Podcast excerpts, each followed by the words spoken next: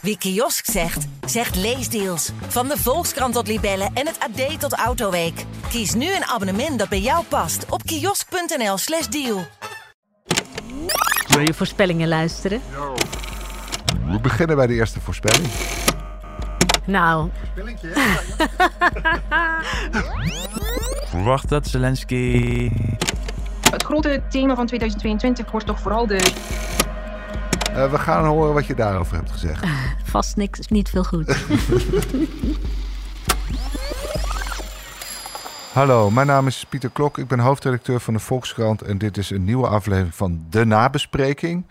De podcast waarin we met redacteuren van de Volkskrant terugkijken op 2022. En dat doen we aan de hand van voorspellingen die ze eerder dit jaar hebben gedaan. Die hebben ze niet gedaan helemaal aan het begin van het jaar, maar na het begin van de oorlog. Vandaag hebben we te gast Tom Venning. Hij was al veel vaker bij de Volkskrant elke dag, dus waarschijnlijk kent u hem inmiddels door en door. Hij was jarenlang correspondent in eh, Moskou tot hij eh, in november 2021 het land werd uitgezet. En sindsdien schrijft hij vanuit Amsterdam over Rusland en de omringende landen. Welkom Tom. Dankjewel. Goed, we gaan dus naar jouw voorspellingen eh, eh, luisteren. Ja. Eh, ik, ik ga alvast wel even van tevoren zeggen dat het eigenlijk heel ajournalistiek is om stellige voorspellingen te doen. Ja, het was niet mijn keuze. Nee, precies. Wij hebben jou dat aangedaan. Ja. Dus bij voorbaat vergiffenis als je het niet helemaal goed had. We beginnen bij de eerste voorspelling. Aan het eind van een jaar denk ik dat Rusland een heel groot deel van Oekraïne heeft bezet. Dat er steden in as liggen. Ik vrees dat er heel veel burgers omgekomen zullen zijn. En dat het Oekraïnse verzet gebroken is. En dat uh, Rusland heel dichtbij of zelfs al in Kiev is. Goed, Tom. Nou, uh, dit is niet helemaal uitgekomen. Het is een beetje anders gelopen. Uh, precies, laten we ze één voor één afgaan.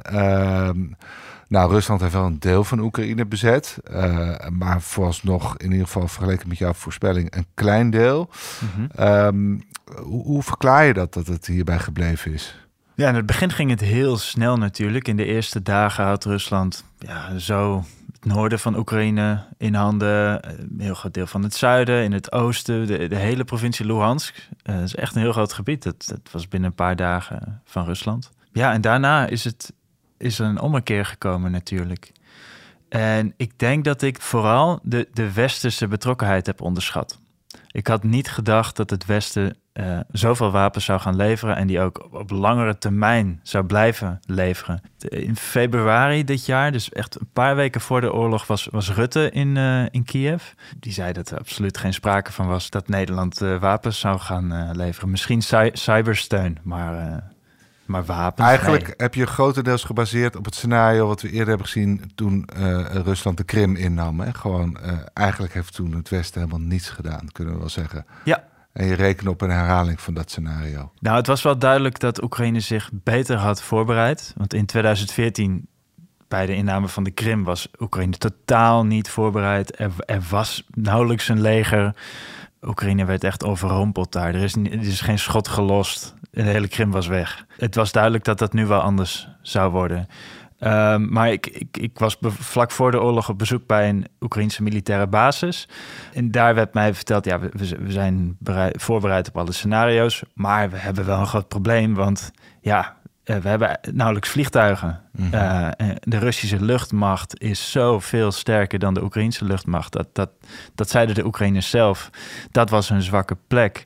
Maar sinds het begin van de oorlog heeft Rusland geen uh, dominantie gekregen in het Oekraïnse luchtruim. Dat is ook iets waar ik me in heb vergist. En, en hoe kwam dat dan? Hadden ze vanaf het begin af aan voldoende luchtafweer geschud om dat onmogelijk te maken? Of wat was de cruciale ja, factor ja, waarom dat ja, niet lukte? Ja, vanaf het begin zijn heel veel uh, helikopters, vliegtuigen uit de lucht geschoten door de Oekraïners. En, en, had Oekraïne die wapens al van tevoren gekregen van het Westen? Of hadden ze zich al uh, zelf wapens ingekocht? Ze hadden zelf nog wat verouderde Sovjet uh, luchtafweer geschud. Mhm. Mm -hmm. En ze hadden ook al wel wat gekregen van, de, van, van westerse landen, maar nog niet zoveel. Um, Oekraïne heeft zich ook wel beter voorbereid op de oorlog dan wij dachten. Uh, want Zelensky zei tot het begin van de oorlog: Rusland gaat niet aanvallen. Mhm. Dat deed hij natuurlijk ook om zijn eigen bevolking niet in totale paniek te laten schieten. Uh, ondertussen heeft het Oekraïnse leger zich wel voorbereid. Uh, en bleek best goed voorbereid. Mhm. Um, dus de luchtdominantie is er niet gekomen. Uh, en, en het Russische leger is gestopt bij Kiev. Ja. Dat was de eerste grote ommekeer.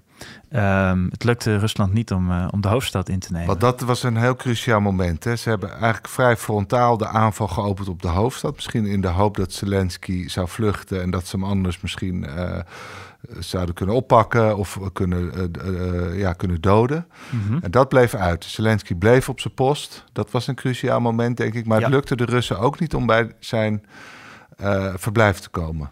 Nee. En nee, hoe de- kwam dat? Uh, de heel duidelijk doel van Rusland was inderdaad het omverwerpen van de, uh, van de regering in Kiev.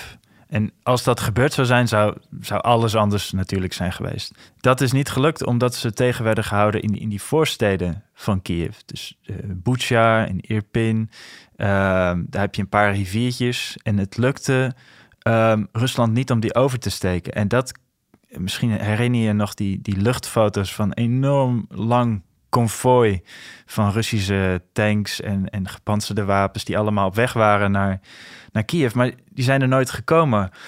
Ook door heel grote fouten binnen het Russische leger. Het was ontzettend slecht georganiseerd. Vaak wisten militairen niet uh, ja, dat, ze, dat ze Oekraïne moesten binnenvallen.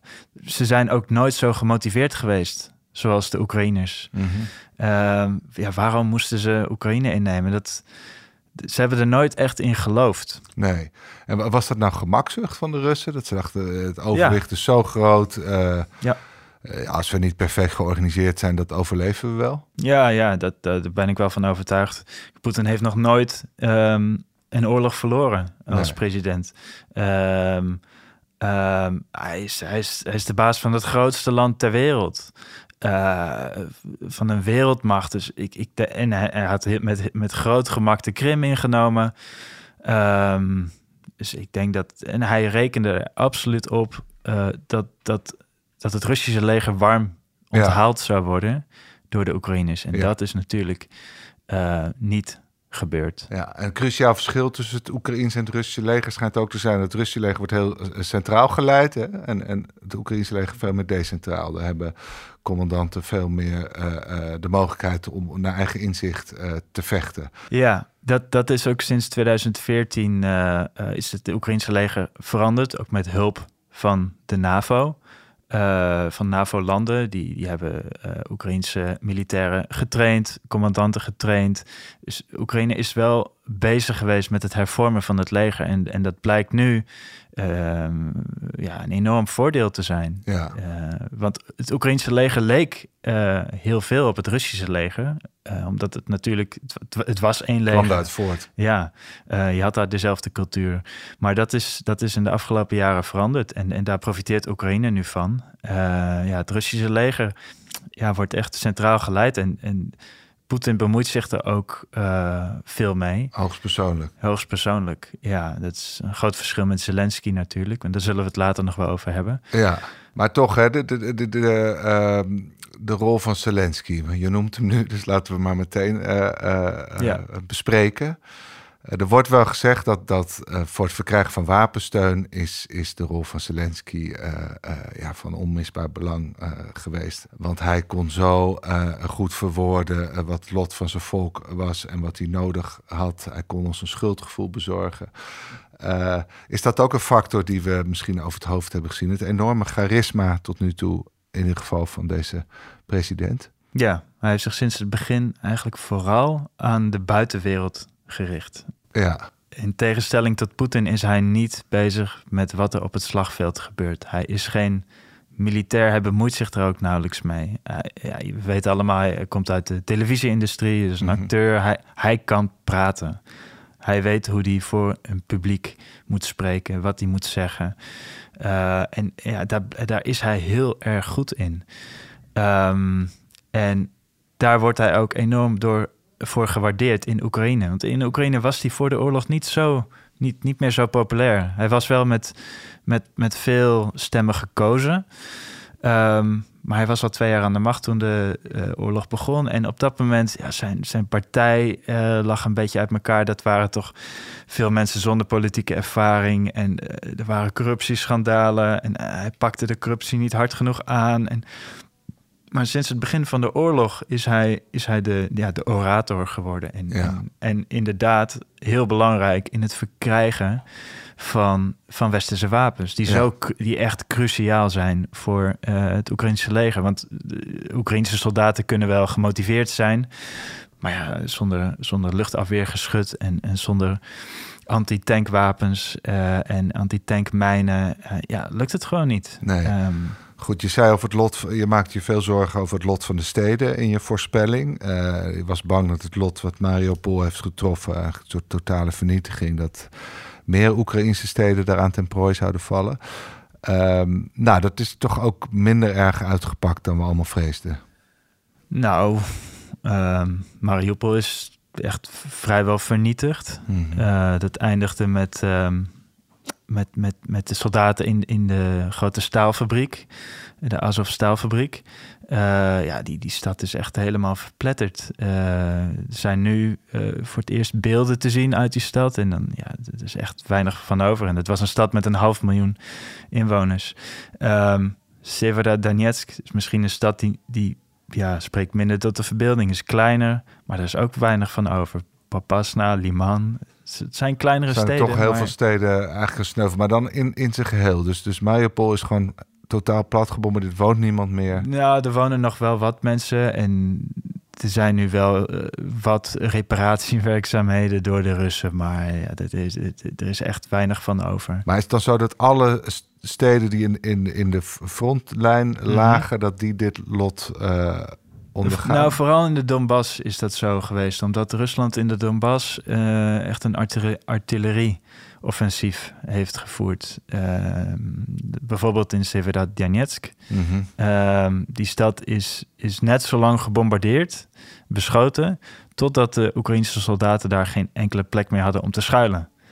En toen hebben ze zich teruggetrokken. En wat is de reden dat ze daar zo hard tekeer gaan? Omdat het, dit het minimum was uiteindelijk wat hij wilde veroveren, de Donbass? Ja, dat is nog steeds het belangrijkste voor, eh, voor Poetin. Op, ja, op dit moment. Hij, de eerste ambitie was natuurlijk Kiev innemen, de regering eh, omverwerpen.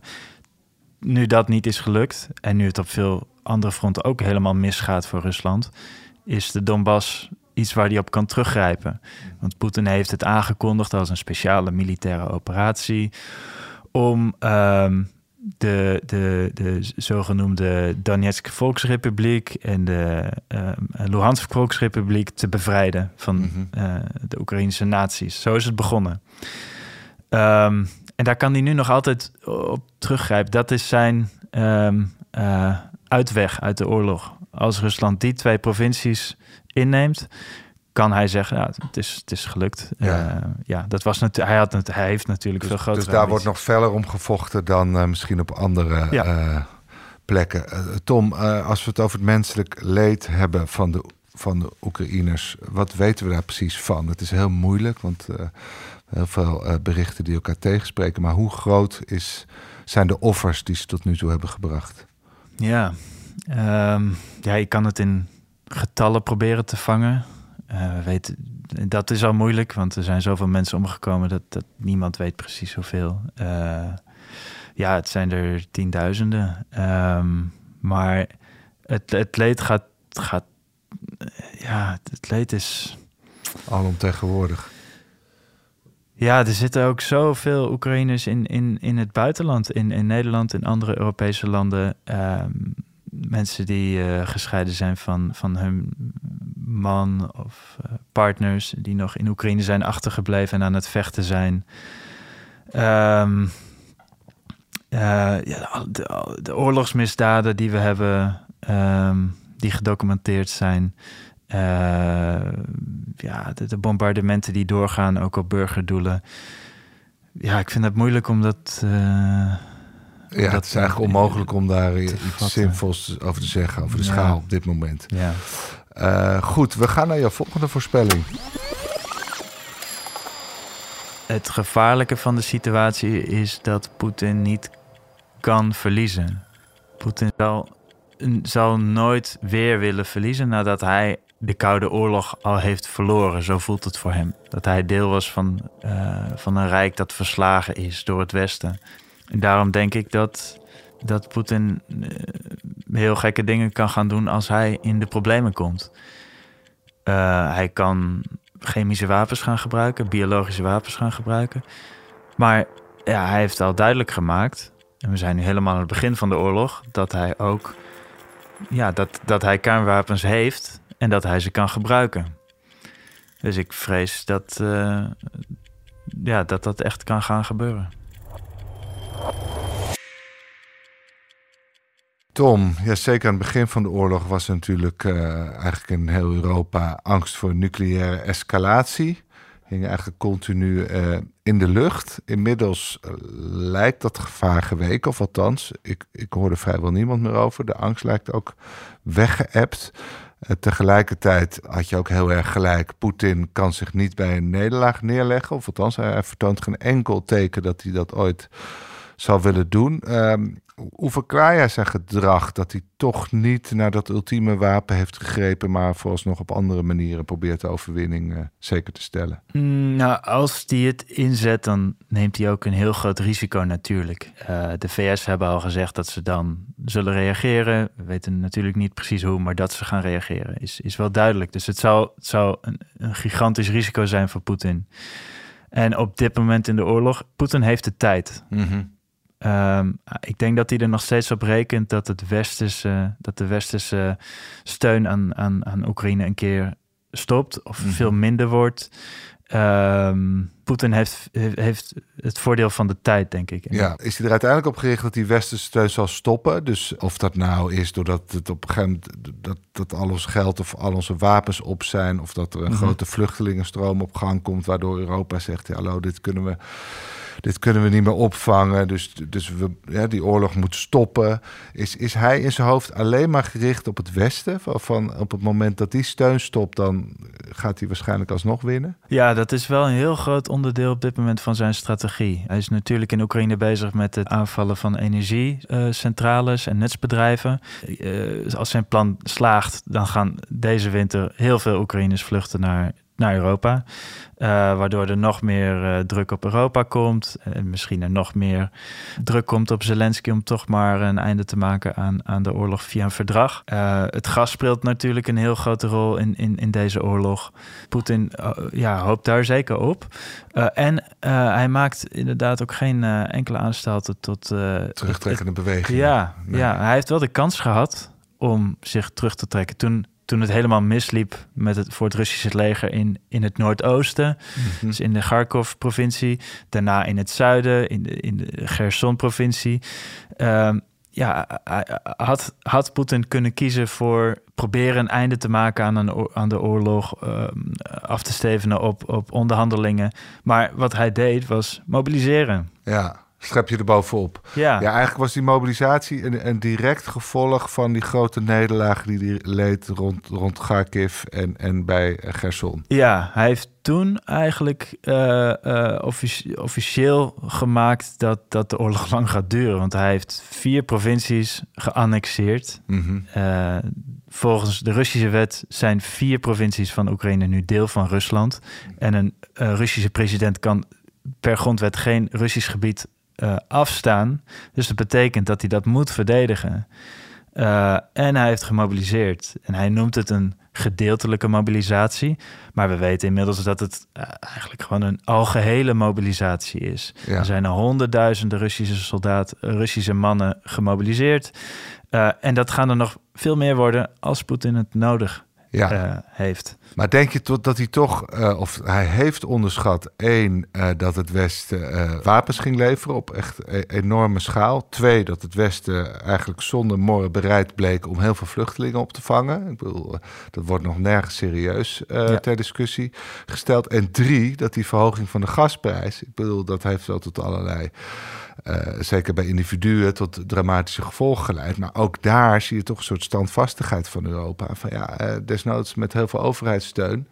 we gaan dit weerstaan. Hè? En inmiddels is volgens mij de, de, de hoeveelheid geïmporteerd gas uit Rusland is, is, is bijna nul. Toch iets wat, wat we tot voor kort onvoorspelbaar vonden. Dus eigenlijk op drie terreinen heeft hij de houding van het Westen onderschat. Hij, had hij het idee dat we hier toch al een beetje een soort weekhartige, ruggraatloze uh, types waren... Die, die, die, die dit maar leidzaam zouden ondergaan? Ja, maar dat is ook niet zo gek als je kijkt hoe het Westen zich heeft opgesteld... Uh, wat betreft Oekraïne voor deze invasie.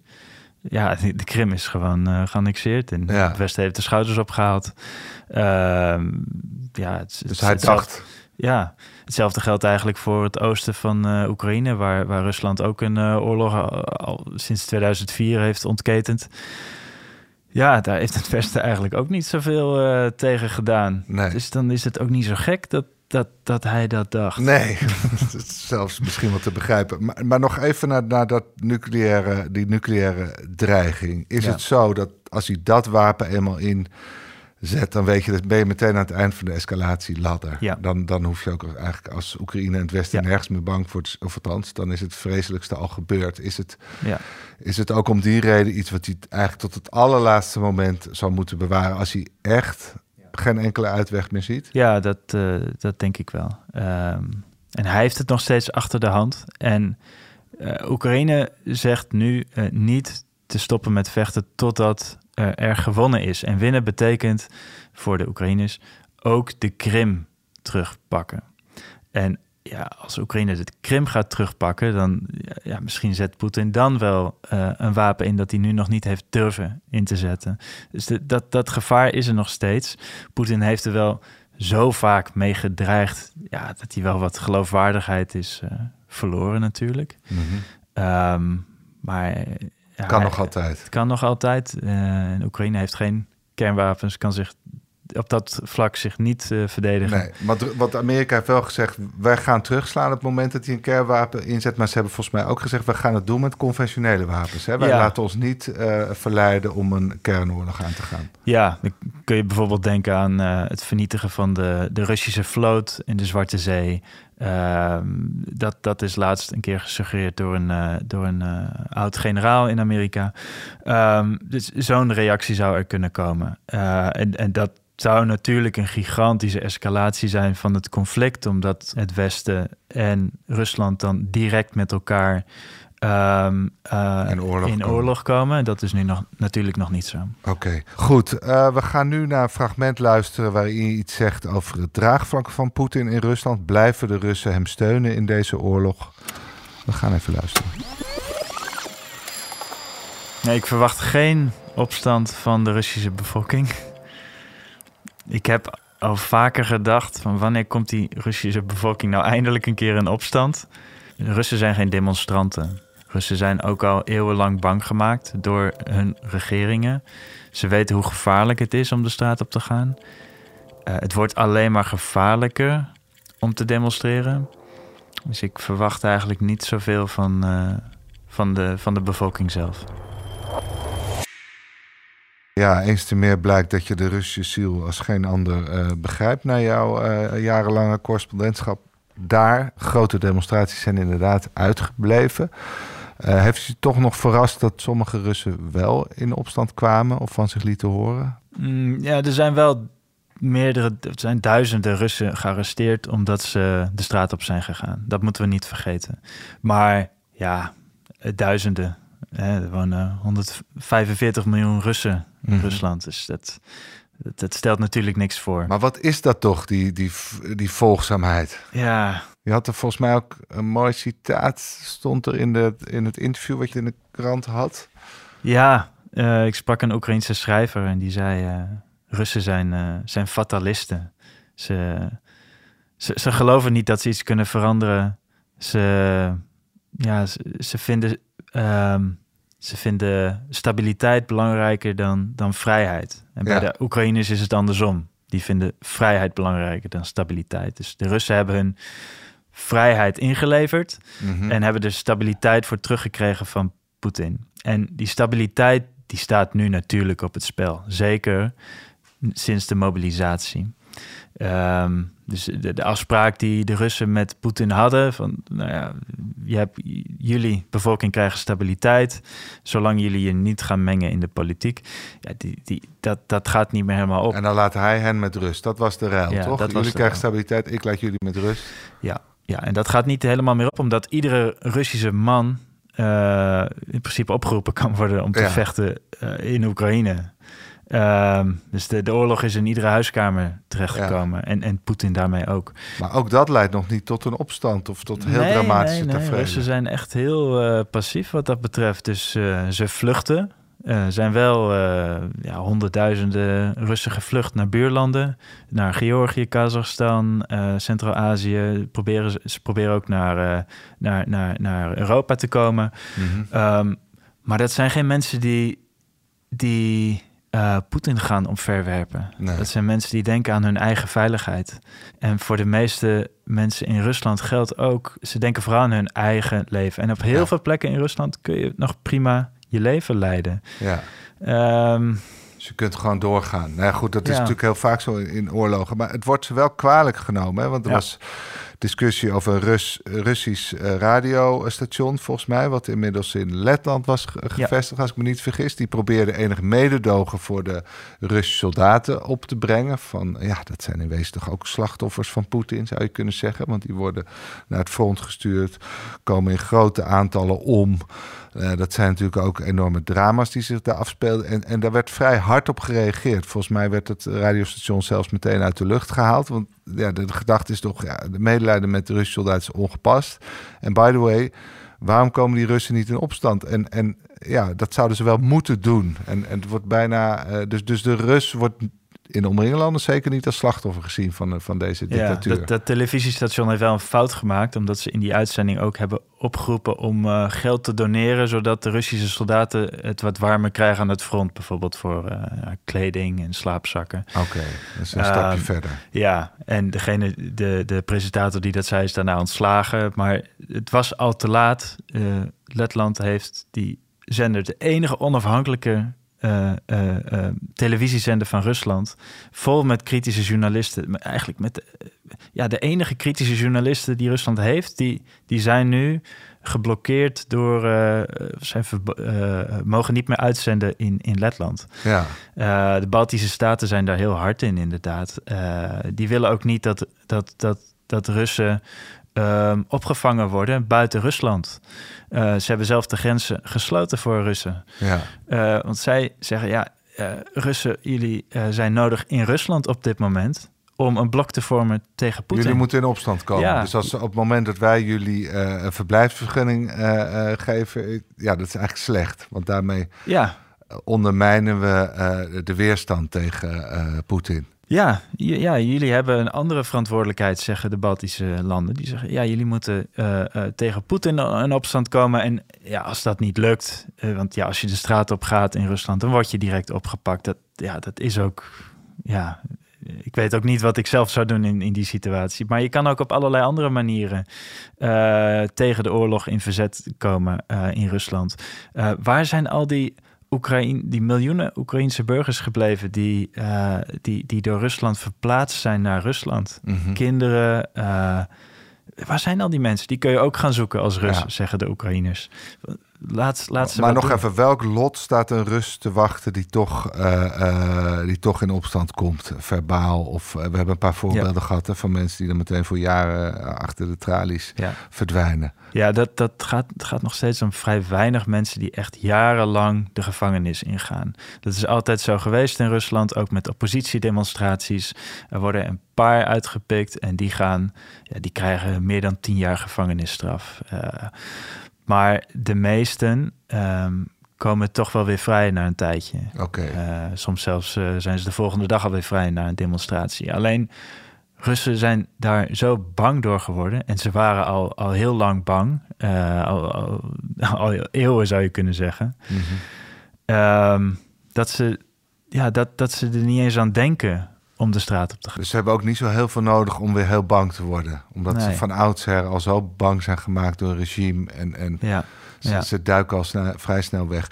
Nou, uh, Alexei Navalny, uh, die, die probeert het wel en blijft het ook doen vanuit de gevangenis. Hoe, hoe is het nu met hem? Ehm, ja, hij zit nog steeds in een uh, in strafkamp. Ehm, hij heeft af en toe nog contact met de buitenwereld. Dat, dat laat het Kremlin toch toe. Uh, dus hij mag uh, zijn advocaten spreken in de gevangenis en die geeft hij dan berichten door. De advocaten zetten die berichten op Instagram en op sociale media. En zo krijgen we toch een idee hoe het met hem gaat. Hij is nog steeds, uh, ja, hij, hij, wordt voor de kleinste vergrijpen, wordt hij in de isolatiecel gegooid. Omdat hij een keertje het, woord fuck zegt. dat, dan, dan, ben je een overtreding in de gevangenis en dan ja, word je in de isolatiecel gegooid. Uh, dus hij, hij zit echt in eenzame opsluiting. Uh, maar is, is nog niet gebroken. Nee, maar dat is toch ongelooflijk dat Rusland ook zo iemand als hem heeft voortgebracht. Want het was natuurlijk al uh, ja, enorm moedig dat hij toen vergiftigd werd. Hij, hij, ging naar Berlijn. Hij had daar gewoon kunnen blijven. Hij had gewoon dissident kunnen zijn in ballingschap. En van daaruit zijn werk kunnen doen. Maar hij koos ervoor om terug te keren, werd direct opgepakt en heeft, heeft nu natuurlijk een, gruwelijk bestaan. Mhm. Is hij in die zin een soort anti-Rus? Want hij, hij, hij, is, hij is meteen zo dapper en, en voor mhm. niemand bang. Dat mhm. is zo in tegenstrijd met alles wat je net over de Russische ziel zei. Doen. Ja, daar is hij zelf ook eh, heel gefrustreerd over geweest. Want hij probeerde jarenlang de Russen de straat op te krijgen. En dat lukte maar niet. En dat lukte maar niet. En dan keek hij naar het buitenland of kijk nu naar Iran. Daar gaan mensen wel de straat op. En is het ook levensgevaarlijk. Ja, en eh, het, is, ja, het lukt hem niet. Uh, hij is de enige in de oppositie die, uh, die zo dapper is dat hij zijn eigen leven uh, daarvoor wil opofferen. Um, ja. ja, nou ja, dan kunnen we alleen maar met heel veel uh, respect naar kijken. Goed, we gaan nog even, we hebben het er al besproken, maar we gaan nog heel even luisteren wat je hebt voorspeld over Russische vluchtelingen. Ja, er gaan tienduizenden mensen proberen om uh, Rusland te verlaten. Uh, misschien wel meer. Alleen als ze echt Russen massaal gaan vertrekken, dan denk ik dat Poetin de grens op slot doet en de noodsituatie afkondigt. En uh, misschien ook wel alle mannen oproept om het leger in te gaan. Ja, nou Tom, uh, redelijk uh, goed voorspeld, kunnen we wel zeggen. nou ja, de, massale vluchtelingenstromen zijn misschien uitgebleven. Hebben we enig idee hoeveel Russen het land inmiddels verlaten hebben? Ehm, ja, enkele honderdduizenden. Toch wel zoveel? Ja, ja, toch wel in Georgië zitten er heel veel, in, in, Kazachstan. Ehm, ja, heel veel mensen zijn direct na de aankondiging van de mobilisatie gevlucht, omdat ze direct al dachten, ja, gedeeltelijke mobilisatie, dit is natuurlijk gewoon algehele mobilisatie. Mhm. Eh, en als je niet het leger ingaat, dan, dan ga je de gevangenis in. Ja. Ehm, en veel mensen hebben besloten om, om dan maar te vluchten. Uh, de grens dicht. Uh, nou, dat is nog niet zo. Uh, maar dat is ook weer een beetje wel zo. Want ik ken ook veel Russen die probeerden te vluchten, maar zijn tegengehouden aan de grens. Um, en noodsituatie is er officieel niet. Alleen in een paar grensprovincies met Oekraïne. Um, maar in principe kunnen ze willekeurig gewoon mensen tegenhouden. Ja. Dus het is geen formeel beleid. Het formele beleid is iedereen mag nog steeds gaan en staan waar hij wil. Maar, maar soms worden ineens mensen tegengehouden bij de grens. Ja, ja. Uh, maar dit is wel wat Poetin probeerde te voorkomen hè, het hele jaar. Hij heeft niet voor niets deze oorlog uh, een speciale militaire operatie genoemd. Um, het zou een korte operatie worden waar de Russische bevolking eigenlijk niet zoveel uh, last van zou hebben. Uh, het zou allemaal heel snel gaan en dan zou uh, ja, het, het, grote Rusland sterker zijn geworden, verdedigd zijn door de, door de tsaar. zo zou het moeten gaan. Maar ja, Poetin heeft wel op dat vlak absoluut verloren. Ja. en ja, hoe machtig hij ook is, ja, komt wel steeds meer onder druk te staan.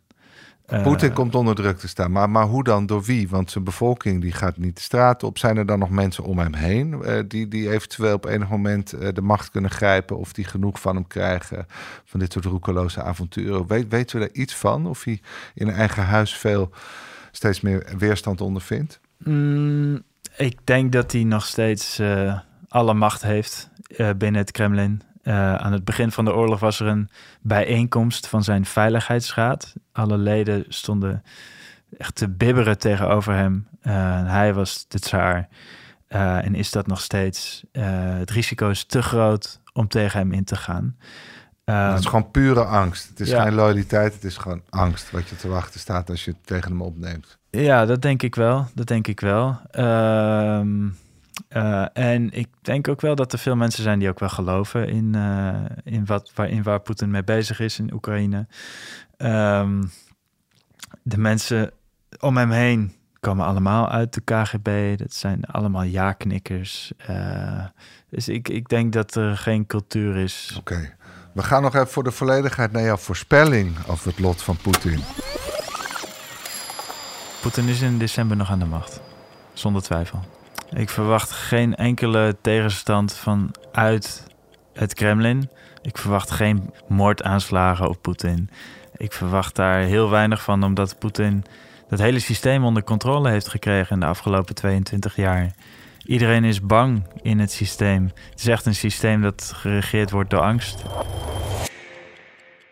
Ja, Tom, uh, volgens mij heb je daar uh, helemaal gelijk in gekregen. In ieder geval tot nu toe. Wat mij had verbaasd dat het mogelijk is dat één man zo'n enorm land in zijn greep kan houden. Maar dat lijkt alleen maar te kunnen als je dat op basis van angst doet. Ja, ja. Um, en laten we niet vergeten dat hij zich ook enorm laat beveiligen. Het beveiligingsapparaat rondom Poetin is gigantisch. En in tegenstelling tot Zelensky gaat hij ook niet naar het front. Hij is altijd ver weg, zit in zijn paleis. Uh, heel vaak weten we niet waar Poetin is. Bij Zelensky is het heel duidelijk waar hij is.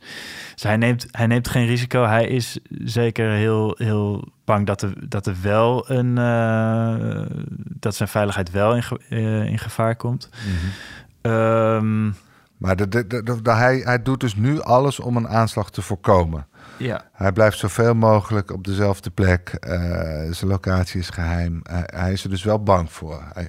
Ja. ja, dat had hij voor de oorlog ook al wel een beetje. En in de coronapandemie zag je dat ook. Dat hij, dat hij altijd ver weg was. Uh, niemand kon bij hem in de buurt komen. En ja, nu kiest hij ook voor, uh, voor, voor veiligheid en het dus ook ja. vanuit die uh, optiek uh, hoeven we niet te verwachten dat, uh, dat iemand een poging gaat doen om. Nou ja, er zijn wel Oekraïners die daarop hopen. Dat, die zeggen, ja, het, de opstand komt zeker niet uit de bevolking. Maar ja, misschien dat er toch wel uh, opstand komt vanuit het Kremlin. Ja, het, het zou niet, natuurlijk niet kunnen. een soort infiltratiecampagne optuigen of zo? Of, of ja, nou ja, er de, wel, de, wordt er over nagedacht hoe je hem eventueel uh, zou kunnen uitschakelen? Kijk, de Oekraïners hebben wel laten zien dat ze, dat ze Rusland kunnen raken in Rusland. Mm. Er zijn heel veel aanslagen geweest uh, in Rusland op militaire basis. er zijn gigantische branden geweest bij, bij grote uh, oliedepots, mm -hmm. bij grote fabrieken. Uh, dus Oekraïne kan Rusland wel raken um, uh, in Rusland. Ja. alleen kunnen ze dat ook in het centrum van de macht, in, in het Kremlin? Ja, dat, ja, ze hebben, laten we ook de, de Krimbrug niet vergeten, die is opgeblazen door de Oekraïners. de Moskwa, dat, dat, dat, dat, grote oorlogsschip, hebben de Oekraïners laten zinken. dus de Oekraïners kunnen wel ja, kunnen veel meer dan, dan, dan de Russen hadden gedacht. Mm -hmm. um, maar ja, Poetin aanvallen is, wel, is toch uh, wat anders. Het is wel een hele zware operatie, ongetwijfeld. We, we sluiten af uh, toch in Oekraïne bij een man uh, waar we het al eerder over hadden. Zelensky, wat verwacht je van hem voor dit jaar?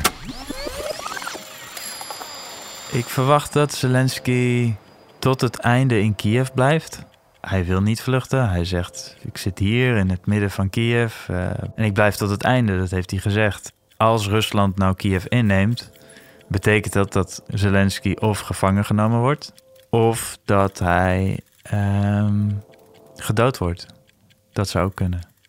Als er één voorspelling is waar ik wel uh, zeker van ben, dan is het uh, dat Zelensky op de cover staat van Time als Person of the Year. En dat hij allerlei prijzen gaat krijgen.